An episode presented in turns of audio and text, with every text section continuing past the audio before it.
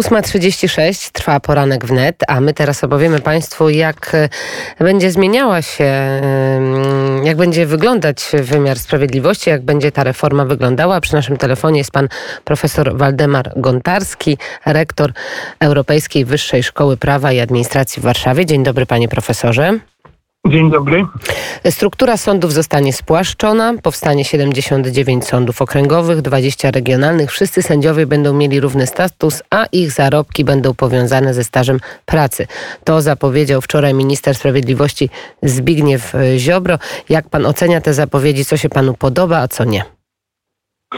Znaczy, z tego co powiedział pan minister, to trudno do czegoś mieć jakieś zarzuty bo weźmy, że e, sędzia staje tylko raz do, e, znaczy jeszcze nie sędzią jest, e, ubiega się o mandat sędziowski, o to, żeby być sędzią i staje tylko raz przed Krajową Radą Sądownictwa i tylko raz pan prezydent Rzeczypospolitej powołuje daną osobę na sędziego. Dotychczas mamy tak, że jest się sędzią rejonowym, przeszło się ten awans, później chce się być sędzią okręgowym, znowu się przechodzi awans, czyli znowu się jest uzależnionym od otoczenia no, tym politycznego. Później sędzią apelacyjnym, później sędzią y, Sądu Najwyższego i za każdym razem jest odrębny awans sędziowski. Teraz się będzie raz powoływanym na sędziego na całe życie, jedno powołanie od od e, pana prezydenta po uprzedniej uchwale Krajowej Rady Sądownictwa, no to wzmacnia niezawisłość sędziowską, bo co to jest niezawisłość? No, no uniezależnienie sędziego od wpływów otoczenia przy wydawaniu yy, orzeczeń. Sędzia ma podlegać tylko konstytucji i, i, i ustawom i innym prawom mającym rangę rangę ustawa, e, ustawo, e, ustawową.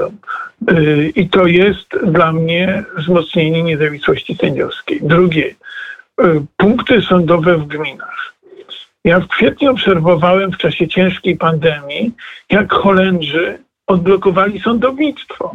Właśnie poprzez tam holenderska Krajowa Rada Sądownictwa działała, bo ustawodawca holenderski nie był rychliwy przy pomocy swoich wytycznych doprowadziła ta holenderska Rada Sądownictwa, że właśnie powstały takie odpowiedniki gminnych punktów sądowych, gdzie świadek przyjeżdżał na odległość y, składać y, zeznania, no i to przeciwdziałało roznoszeniu zarazy, że nie musiał jeździć do większej, do większej miejscowości, w, którym, w której y, miała miejsce y, siedziba sądu.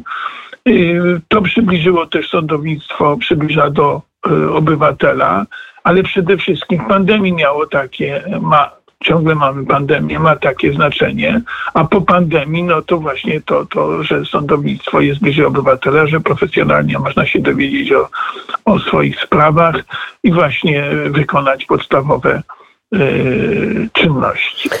Tak, no. te zmiany są bardzo ważne, jeżeli chodzi o informatyzację, jeżeli chodzi o mm, te punkty sądowe, o których pan profesor mówi, ale już y, są krytycy. Między innymi wicemarszałek Senatu, pan Michał Kamiński powiedział, że e, przypomniał de facto o tym proteście, który odbywa się przed siedzibą Ministerstwa Sprawiedliwości, bo jak wiemy protestują pracownicy sądów i prokuratur a, i także zastanawiają się politycy opozycji, kto będzie chętny do pracy w tych punktach sądowych, że widzimy jednak ten protest i że, mm, i że to jest y, ważna i poważna też sprawa.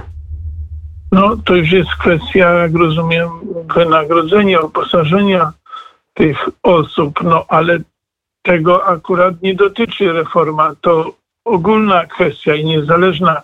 Nie chcę tu występować w roli adwokata ministra sprawiedliwości, no ale na, na, na forum rządu, to już jest w gestii też ministra y, finansów.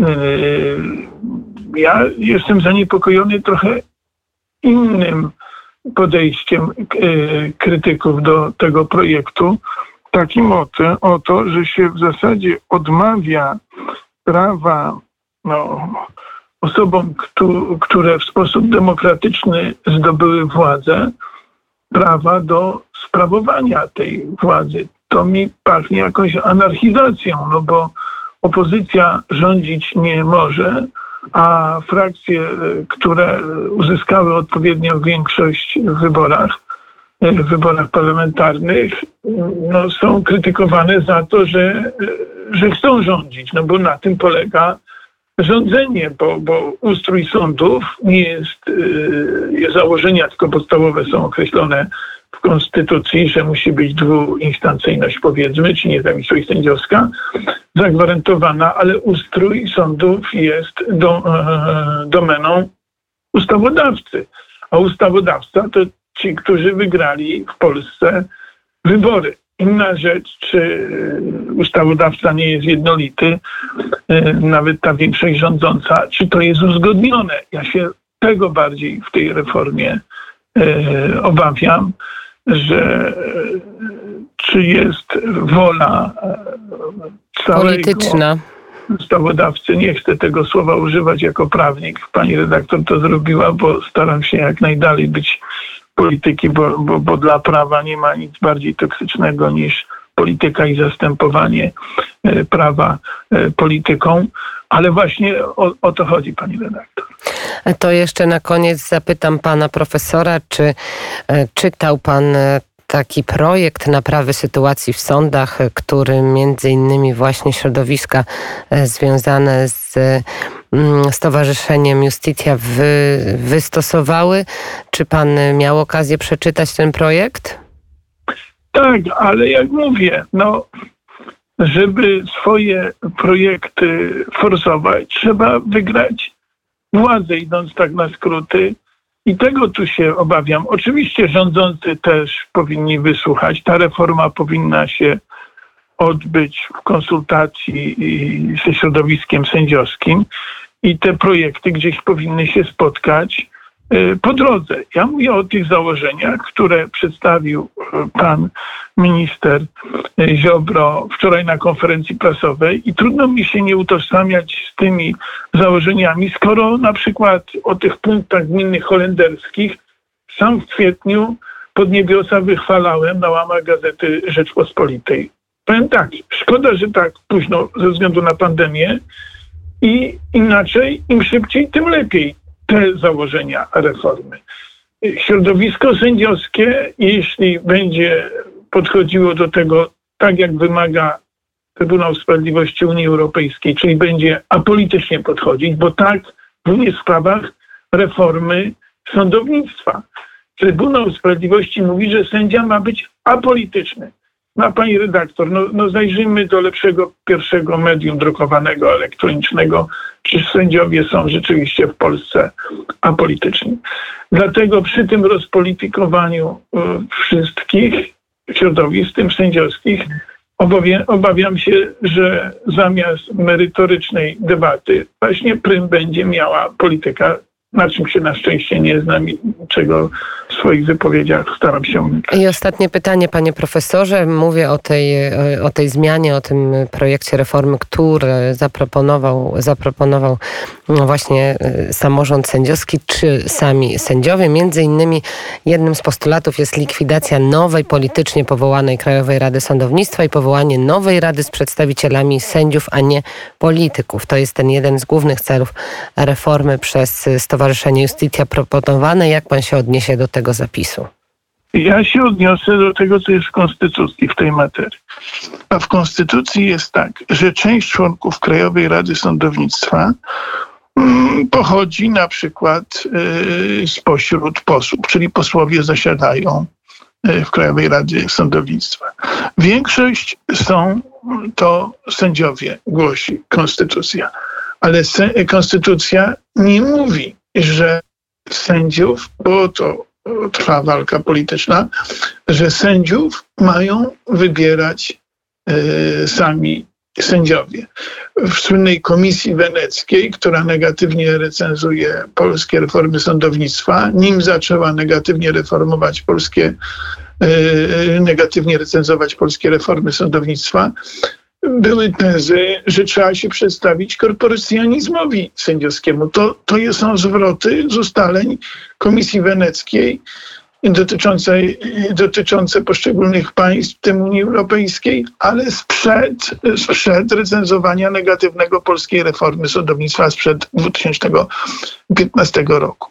Konstytucja odsyła do ustawy. Nie ma, niech mi ktoś pokaże w Konstytucji przepis, który głosi, że sędziów wybierają sędziowie do Krajowej Rady Sądownictwa. Przy Państwa, to jest nieprawda. Nieprawda w takim dosłownym znaczeniu. Konstytucja mówi, że tylu i tylu sędziów musi być wybranych. Tylko tyle i aż tyle mówi Konstytucja. Mm, Panie profesorze, słyszę, że domofon y, panu dzwoni Niestety, gdzieś w tle. To jest odległość pracy. Od, pracy na odległość, ale też rozmów e, na żywo, więc, e, więc, więc to wszystko słyszymy. No to jeszcze może na koniec zapytam e, pana jako obywatela, a po prostu jako człowieka, który także sytuację aktualną ocenia i przygląda się jej. Jak pan profesor patrzy na kryzys, który jest związany z granicą polsko-białoruską? No, dla mnie z prawnego punktu widzenia od razu komentowałem wtedy y, w mediach, że ci ludzie się ubiegać o pobyt w Polsce na legalnych przejściach, y, a oni są wypychani przez reżim białoruski mm, na te punkty granic, które nie są przejściami i w ogóle nie są zainteresowani pobytem w Polsce. Jeśli y, oni by weszli do Polski, później przedostali się do Niemiec, my mielibyśmy obowiązek ich y, z powrotem przyjęcia. Dla mnie jako prawnika y, to od razu było nie do przyjęcia takie naruszanie prawa jeśli ktoś rzeczywiście czuje się zagrożony, powinien się zgłosić na legalne, tam gdzie jest to przejście e, e, graniczne, do polskich służb granicznych i zadeklarować pobyt w Polsce. Ci ludzie nie deklarowali, jak wiadomo, e, pobytu w Polsce. Mm, no i właśnie, jeśli, jeśli Zachód by się nie zreflektował, to rzeczywiście zostałoby tylko, że niech Niemcy wyślą samochody, y, autobusy i niech robią korytarz humanitarny, ale sami Niemcy doświadczeni y, poprzednią falą emigracyjną y, wiedzą, co to znaczy. Jest to złożony bardzo problem, ale nie można powiedzieć, że jest to tylko problem humanitarny, jest to jednocześnie problem bezpieczeństwa, problem prawny i każde jednostronne spojrzenie na ten problem jest wypaczone, bo on jest właśnie wielostronny. No, bardzo dziękuję za ten głos. A mówił pan profesor Waldemar Gontarski, rektor Europejskiej Wyższej Szkoły Prawa i Administracji w Warszawie. Dziękuję bardzo za rozmowę. Dziękuję uprzejmie. Do widzenia. A z nami teraz trochę muzyki i patrzę na naszą dzisiejszą porankową playlistę i Boka Secret Void.